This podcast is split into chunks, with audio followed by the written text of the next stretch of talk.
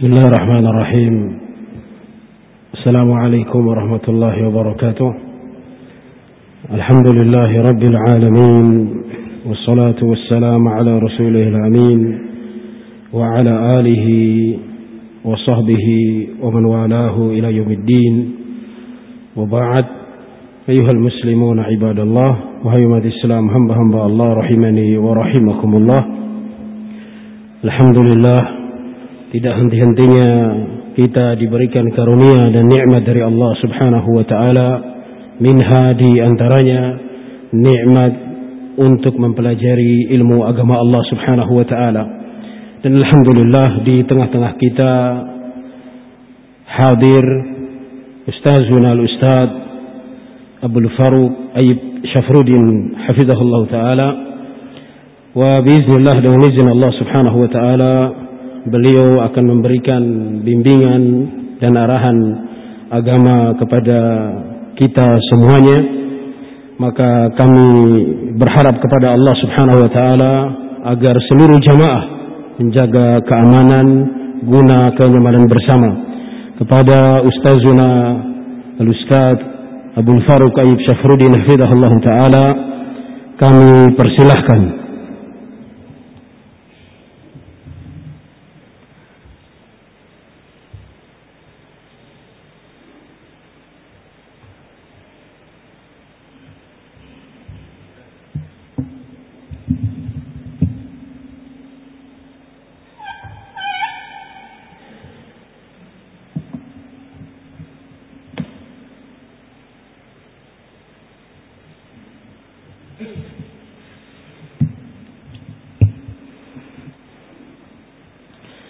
بسم الله الرحمن الرحيم إن الحمد لله نحمده ونستعينه ونستغفره ونعوذ بالله من شرور أنفسنا ومن سيئات أعمالنا من يهده الله فلا مضل له ومن يضلل فلا هادي له أشهد أن لا إله إلا الله وحده لا شريك له وأشهد أن محمدا عبده ورسوله. يا أيها الذين آمنوا اتقوا الله حق تقاته ولا تموتن إلا وأنتم مسلمون. يا أيها الناس اتقوا ربكم الذي خلقكم من نفس واحدة وخلق منها زوجها وبث منهما رجالا كثيرا ونساء واتقوا الله الذي تساءلون به والأرحام إن الله كان عليكم رقيباً يا أيها الذين آمنوا اتقوا الله وقولوا قولا سديدا. يصلح لكم أعمالكم ويغفر لكم ذنوبكم. ومن يطع الله ورسوله فقد فاز فوزا عظيما. أما بعد فإن أصدق الحديث كتاب الله. وخير الهدي هدي محمد صلى الله عليه وعلى آله وسلم وشار الأمور محدثاتها فإن كل محدثة بدعة وكل بدعة ضلالة وكل ضلالة في النار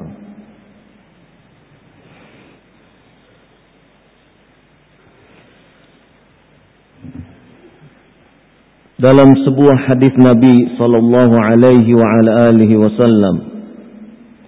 Hadis yang ma'ruf di kalangan kita bahkan di kalangan kaum muslimin. Hadis dari seorang sahabat yang mulia Umar bin Al-Khattab radhiyallahu anhu yang menyatakan bainama nahnu julusun 'inda Rasulillah sallallahu alaihi wa ala alihi wasallam zata yaumin إذ طلع علينا رجل شديد بياض الثياب شديد سواد الشعر لا يرى عليه أثر السفر ولا يعرفه منا أحد.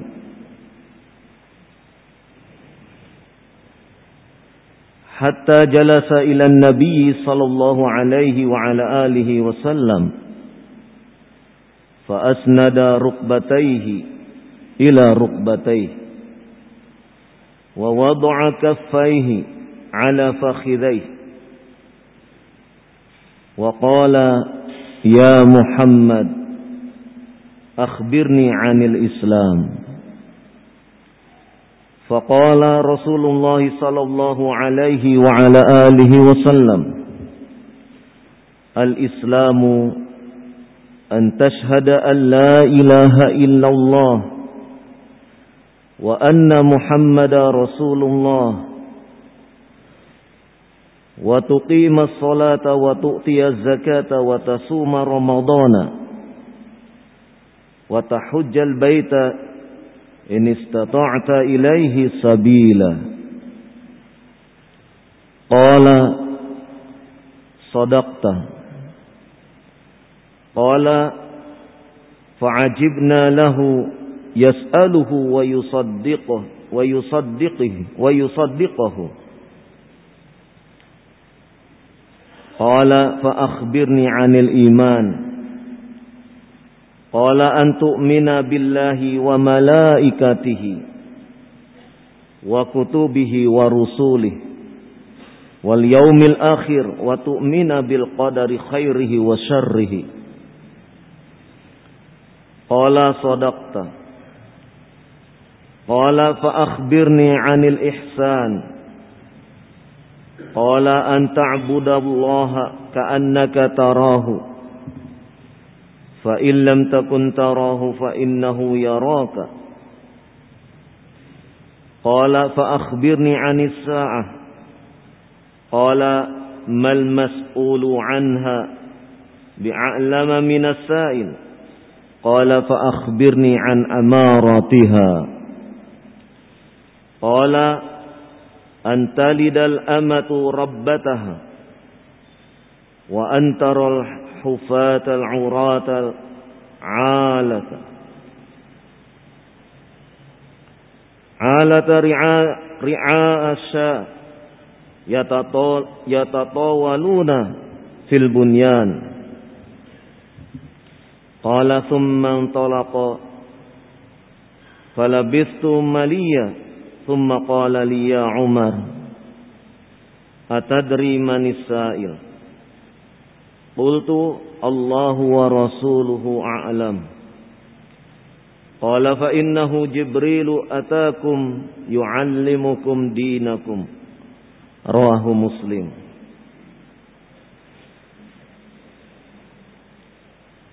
Hadis dari Umar bin Al-Khattab radhiyallahu anhu ini menjelaskan kepada kita tentang prinsip-prinsip agama yang kita cintai. Dan banyak sekali faidah dari hadis ini hingga para ulama pun ketika memberikan penjelasan terhadap satu hadis ini maka penjelasannya bisa dituliskan di dalam satu risalah tersendiri. Diterbitkan menjadi kutaib yang tentu saja faidah dan manfaatnya sangat besar bagi umat ini.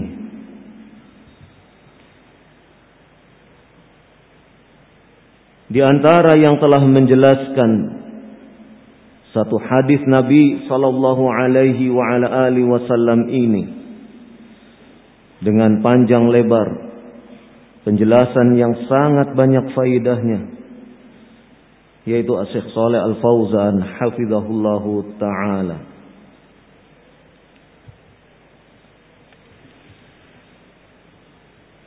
Beliau menyatakan, "Hadzal haditsu haditsun 'azimun."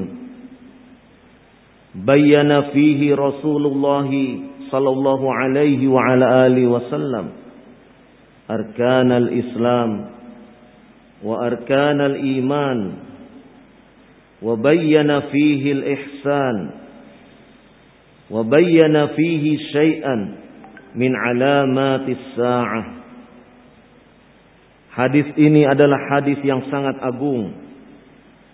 Di dalamnya telah menjelaskan pernyataan Rasulullah sallallahu alaihi wa ala alihi wasallam tentang rukun-rukun Islam. Rukun-rukun iman dan di dalamnya menjelaskan tentang al-ihsan menjelaskan pula di dalamnya perkara-perkara berkenaan dengan tanda-tanda hari kiamat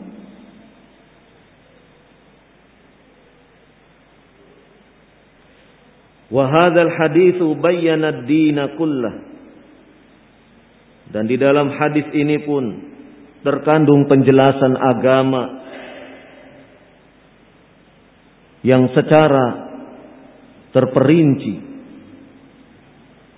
Wa anna dina maratib. Karena sesungguhnya agama itu bertingkat. Wan nasu laisu ala haddi sawain fid din dan manusia tidaklah memiliki hanya satu tingkatan saja di dalam urusan atau perkara agama ini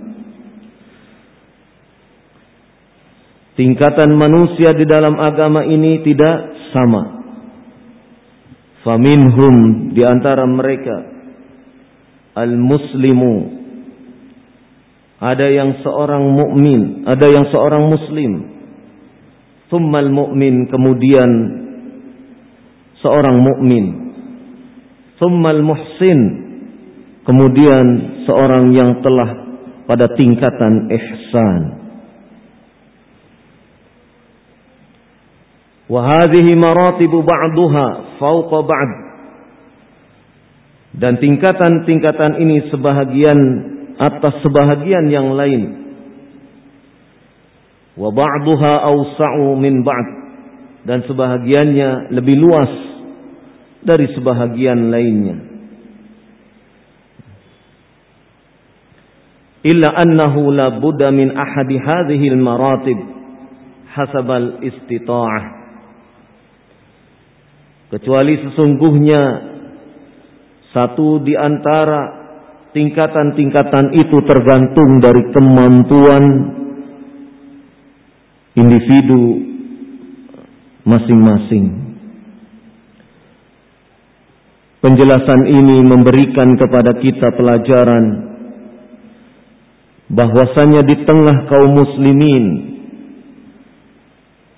terdapat tingkatan-tingkatan di dalam memahami agama. Bahwasanya di tengah kaum muslimin terdapat tingkatan-tingkatan di dalam menunaikan agama itu sendiri.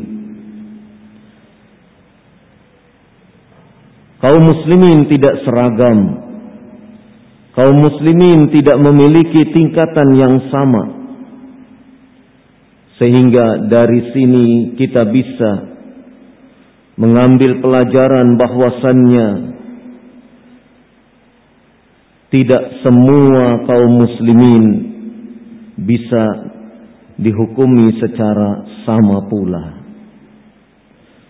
Masing-masing tentu memiliki kemampuan di dalam beramal, di dalam memahami satu perkara, dan di sinilah perlunya kita bersikap hikmah di dalam menilai ataupun memperlakukan kaum muslimin secara satu bahagian dengan bahagian yang lainnya. Kemudian di dalam hadis Nabi sallallahu alaihi wa ala alihi wasallam ini qauluhu disebutkan bainama nahnu julusun 'inda Nabi sallallahu alaihi wa ala alihi wasallam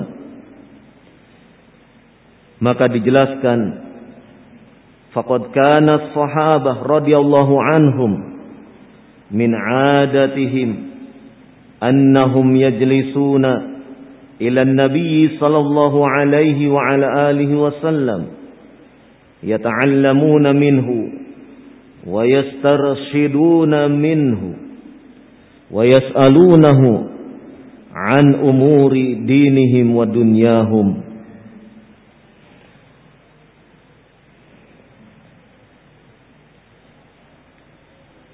hadis Nabi sallallahu alaihi wa ala alihi wasallam.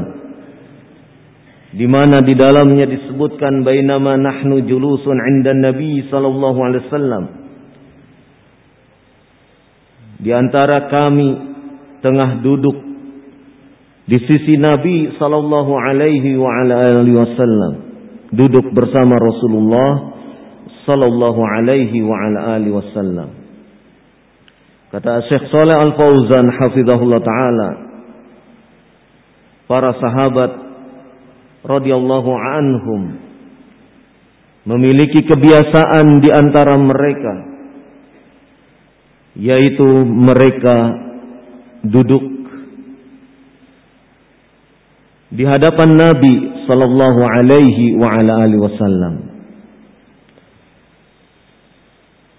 Apa yang dilakukan ketika duduk-duduk bersama Nabi sallallahu alaihi wa ala alihi wasallam? Mereka belajar mempelajari dari Nabi sallallahu alaihi wa ala alihi wasallam. Dan mereka pun meminta bimbingan dari Nabi sallallahu alaihi wa ala alihi wasallam. Mereka bertanya tentang perkara-perkara agama dan perkara-perkara dunia mereka.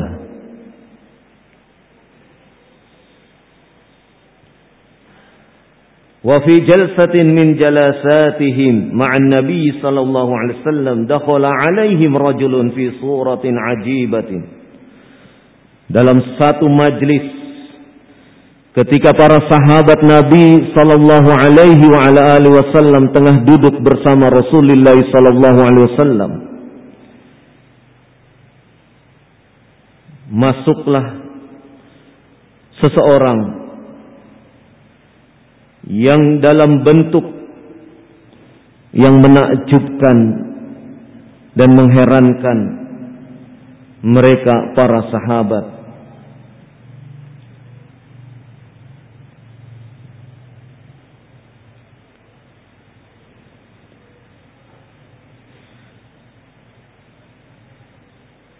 Di dalam hadis disebutkan masuk seseorang ke tengah-tengah mereka, seseorang ini yang tidak dikenali oleh para sahabat. Disebutkan dalam hadis ittala alaina rajulun syadidun bayadi thiyabi syadidun sawadi sa'r la yura alaihi atharus safar ولا يعرفه منا أحد فهذا من العجائب dan ini adalah perkara-perkara yang menakjubkan, mengherankan. Karena ketika para sahabat itu duduk, tiba-tiba muncul di hadapan kami, di hadapan para sahabat Rasulullah sallallahu alaihi wa ala alihi wasallam Seseorang yang mengenakan pakaian putih bersih, rambut hitam legam, la yura alaihi atharus safar. Tidak tampak pada diri orang tersebut tanda-tanda kalau dia telah menunaikan perjalanan jauh. Wala ya'rifuhu minna ahadun. Selain itu, di antara kami para sahabat tidak ada seorang pun yang mengenali laki-laki tersebut. Inilah yang menjadikan para sahabat Nabi sallallahu alaihi wa ala alihi wasallam merasa terheran-heran. Li'annahu law kana min ahli al-baladi la'arafuhu. Karena sesungguhnya seandainya laki-laki itu adalah penduduk kota Madinah, penduduk negeri, tentulah salah satu di antara kami pasti mengenalinya. Fadalla ala annahu min kharijil balad. Ini menunjukkan bahwasanya laki-laki itu bukan dari penduduk negeri. Tetapi laki-laki itu berasal dari luar kalangan penduduk negeri. Walakin akan tetapi kalau dinyatakan laki-laki ini bukan penduduk negeri ini, artinya dari luar.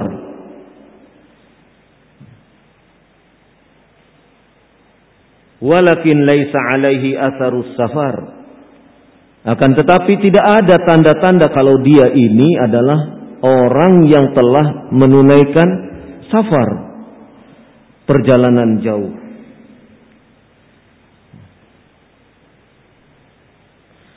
لأن العادة أن السافر يكون yakunu. Karena sesungguhnya kebiasaan orang yang baru bepergian dari safar maka akan terlihat padanya penampilan yang kusut masai. Penampilan yang tentu saja tidak rapih.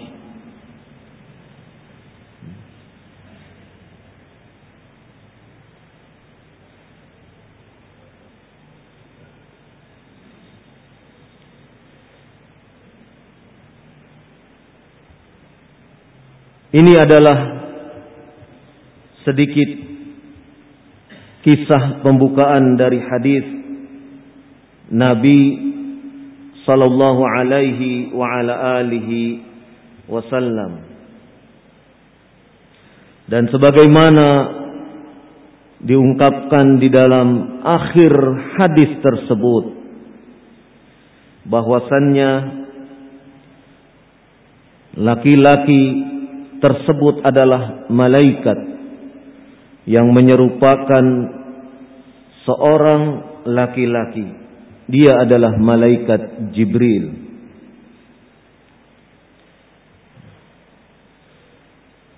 Penjelasan dari Syekh Shalih Al-Fauzan hafizahullah taala. Wa kana Jibril alaihi salam ya'ti ila an-nabi sallallahu alaihi wasallam fil ghalib fi surati rajul Malaikat Jibril alaihissalam mendatangi Nabi sallallahu alaihi wa ala alihi wasallam pada umumnya dalam bentuk menyerupakan seorang laki-laki. Lianna bani Adam la yastati'una ru'yatal malak ala khilqatihi al-malakiyah. Karena sesungguhnya manusia mereka tidak akan mampu untuk melihat al-malak malaikat dalam bentuk rupa asli.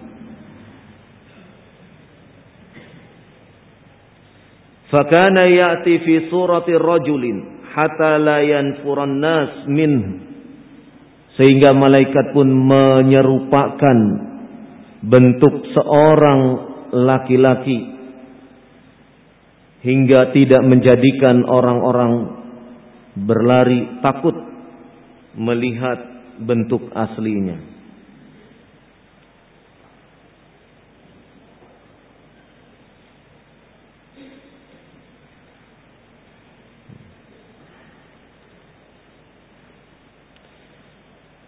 Bahkan Nabi Shallallahu Alaihi Wasallam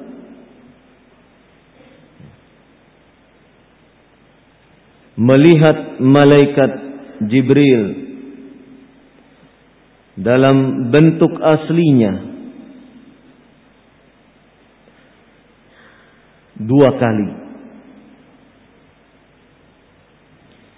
Disebutkan oleh Syekh Saleh Al-Fauzan hafizahullah taala ولم ير النبي صلى الله عليه وعلى آله وسلم جبريل في صورته الملكية illa marratain. Nabi sallallahu alaihi wa ala alihi wasallam melihat malaikat Jibril dalam bentuk aslinya tidaklah melihat malaikat Jibril dalam bentuk aslinya kecuali hanya dua kali.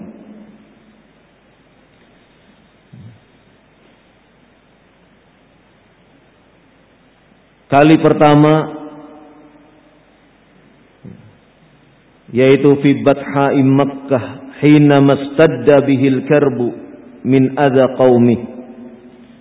Nabi sallallahu alaihi wa ala alihi wasallam melihat malaikat Jibril dalam bentuk aslinya ketika ia diganggu oleh kaumnya yaitu di kota Makkah.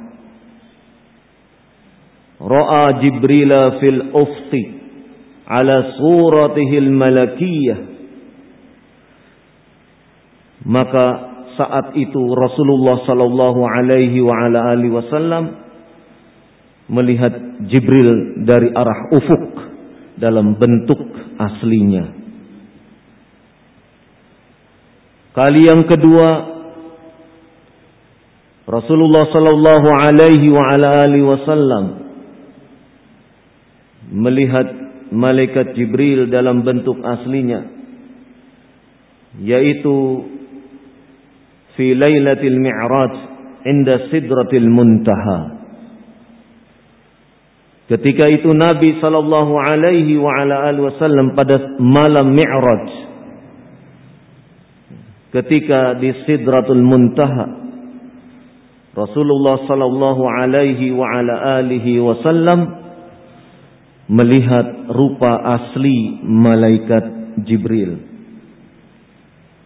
Sebagaimana disebutkan dalam surat An-Najm ayat ke-13 dan ke-14.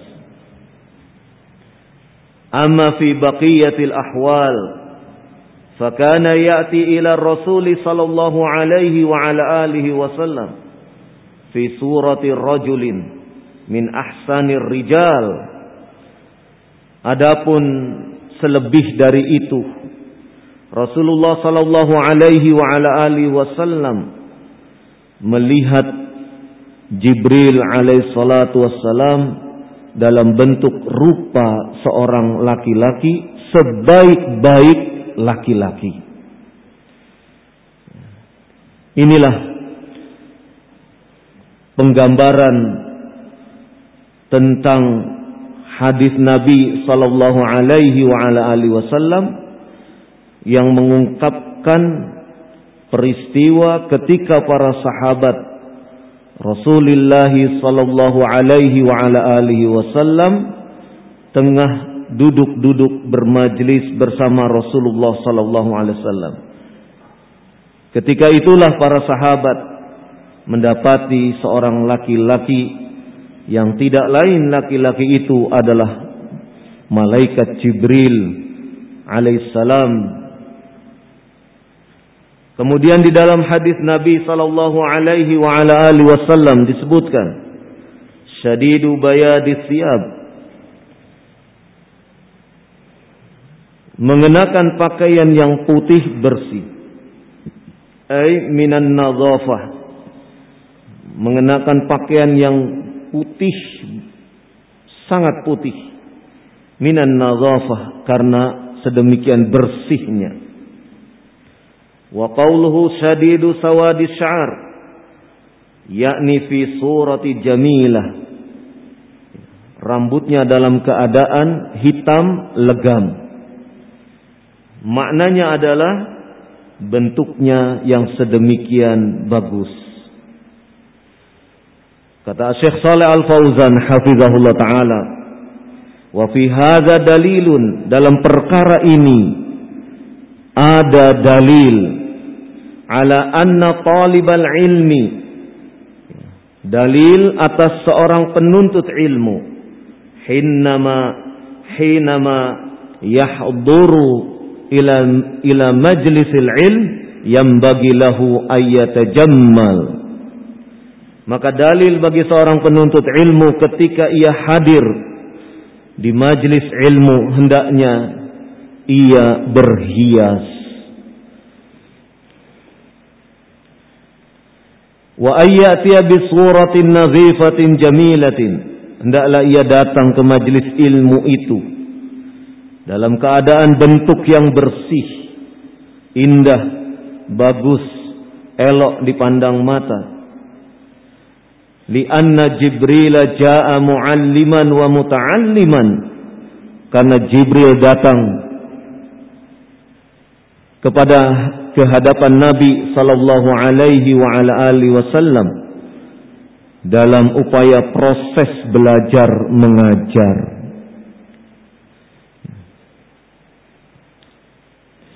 Wa min dzalika annahu 'allamahum kaifa ya'tuna ila majlisir Rasuli sallallahu alaihi wasallam. Karena itulah Jibril alaihi salatu wassalam mengajarkan kepada para sahabat bagaimana adab mendatangi majlis Ar-Rasul sallallahu alaihi wa ala alihi wasallam. Ini pelajaran yang bisa kita petik dari peristiwa kehadiran malaikat Jibril yang menyerupakan seorang laki-laki yang tiba-tiba datang ke hadapan para sahabat dan kemudian beliau bertanya beberapa perkara. Kata Syekh Saleh Al Fauzan hafizahullah taala di sini mengandung pengertian bagaimana adab bermajlis ilmu.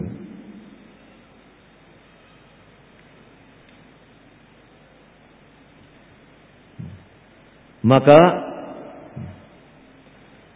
Syekh Saleh Al-Fauzan hafizahullah taala menyebutkan berkenaan dengan apa yang tertera di dalam hadis faqauluhu fajalasa ila nabi sallallahu alaihi wasallam di dalam hadis itu disebutkan fajalasa ila nabi sallallahu alaihi wasallam maka laki-laki itu pun duduk di hadapan Nabi sallallahu alaihi wasallam. Kata Syekh Shalih Al Fauzan hafizahullah taala fihi adabun li talibil ilm.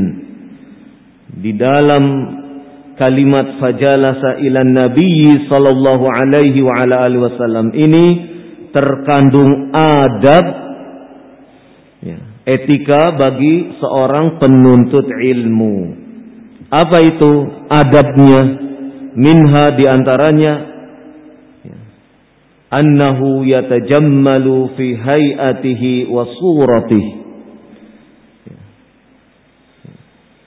yaitu memperbagus ya, memperindah bentuk tampilan ketika seseorang hadir di majelis ilmu. Yang kedua, annahu yajlisu amama al-muallim muqbilan alaihi liyatalaqqa minhu al-ilm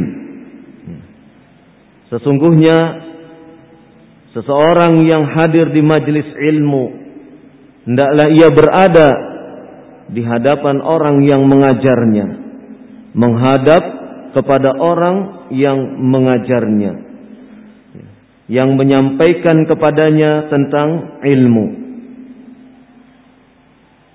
Wala yu'ridu anhu dan tidak kemudian ya, bertolak belakang dengan penuntut ilmunya atau berpaling dari orang yang menyampaikan ilmunya au yaltafit. Ya. atau dia mengesampingkan berpaling au yamzah atau bergurau au yansyagil atau dia sibuk dengan sendirinya. Memiliki kesibukan sendiri. Bal yakunu muqbilan 'ala al-muallim bi jismihi wa bi fikrihi. Bahkan ia harus menghadap kepada seorang pengajar. ya. Kepada seorang pengajar bi jismihi dengan fisiknya wa bi fikrihi dan dengan fikirannya artinya salah satu daripada adab talabul ilm ia menghadap kepada orang yang mengajarnya baik secara fisik ataupun secara fikirannya. Artinya fokus, ya. fikirannya tidak safar ke mana-mana, jalan-jalan, tetapi fokus kepada apa yang disampaikan di dalam majelis tersebut.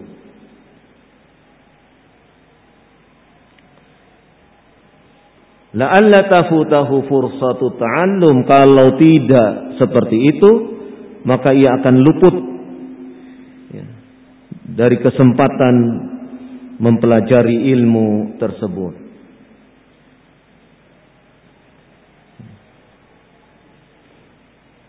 Qauluhu fa'asnada rukbataihi ila rukbataihi. Kemudian di dalam hadis Nabi sallallahu alaihi wasallam disebutkan fa'asnada rukbataihi ila rukbataihi. Kemudian laki-laki itu menyandarkan kedua lututnya kepada kedua lutut Nabi sallallahu alaihi wa ala alihi wasallam. Ai asnada Jibril rukbataihi ila rukbatain Nabi sallallahu alaihi wasallam muqabilan lahu wa qariban minhu.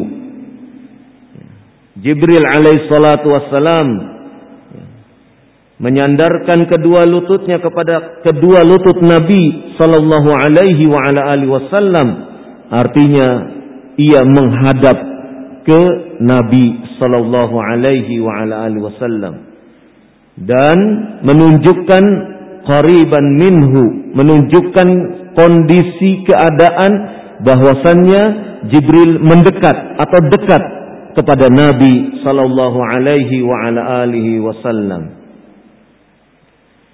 wa fi hadza di dalam perkara ini anna talibal ilmi yaqrubu minal muallim.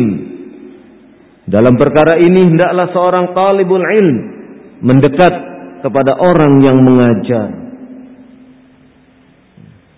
Litakunal faidatu mutassilah. Ya. Al faidatu muttasilah.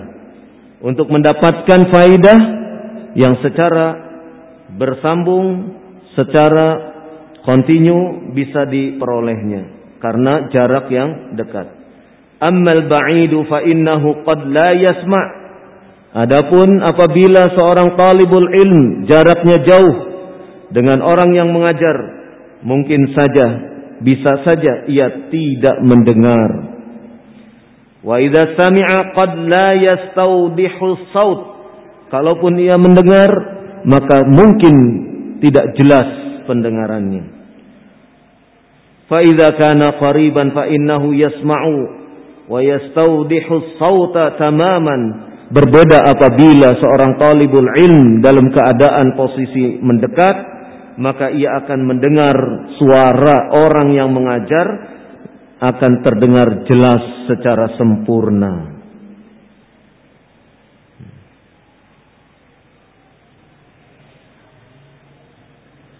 Waqad kana as-sahaba radhiyallahu anhum yuhdiquna bin Nabi sallallahu alaihi wasallam wa yaqrabuna minhu waqta talaqqihimul ilma anhu sallallahu alaihi wasallam dan para sahabat tradisi para sahabat Nabi sallallahu alaihi wa ala wasallam ketika mereka bermajlis menuntut ilmu kepada Rasulullah sallallahu alaihi wasallam mereka duduk berkeliling mereka mendekat ya, kepada orang yang menyampaikan ilmu yaitu Nabi sallallahu alaihi wa ala alihi wasallam. Ini di antara faidah ya, hadis Jibril berkenaan dengan menuntut ilmu. Adab menuntut ilmu. Qauluhu wa wada'a kafaihi ay wada'a Jibril kafaihi ala fakhidaihi ay ala fakhidai Jibril. Kemudian ia meletakkan kedua telapak tangannya yaitu meletakkan kedua telapak tangan Jibril yang menyerupakan seorang laki-laki. Ala fakhidai ay ala fakhidai Jibril yaitu kepada kedua paha Jibril. Wa fihi anna al-muta'allima yanbaghi ay yakuna bi suratin hadiah muaddabah. Dari sini kita mendapatkan pelajaran sesungguhnya seorang muta'allim hendaknya ia ya, menampilkan dalam bentuk ya, tenang ya, yang penuh adab ya, menunjukkan situasi tenang penuh adab wala yuqsira minal harakat ya, tidak banyak melakukan gerakan-gerakan. Au minal iltifat. Ya, tidak banyak juga menoleh ke sana kemari.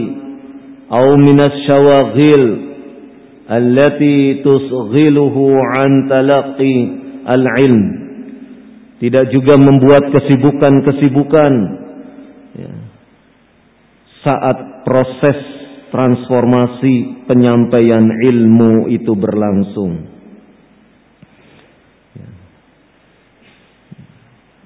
Inilah penjelasan yang disampaikan oleh Syekh Saleh Al Fauzan dari hadis Jibril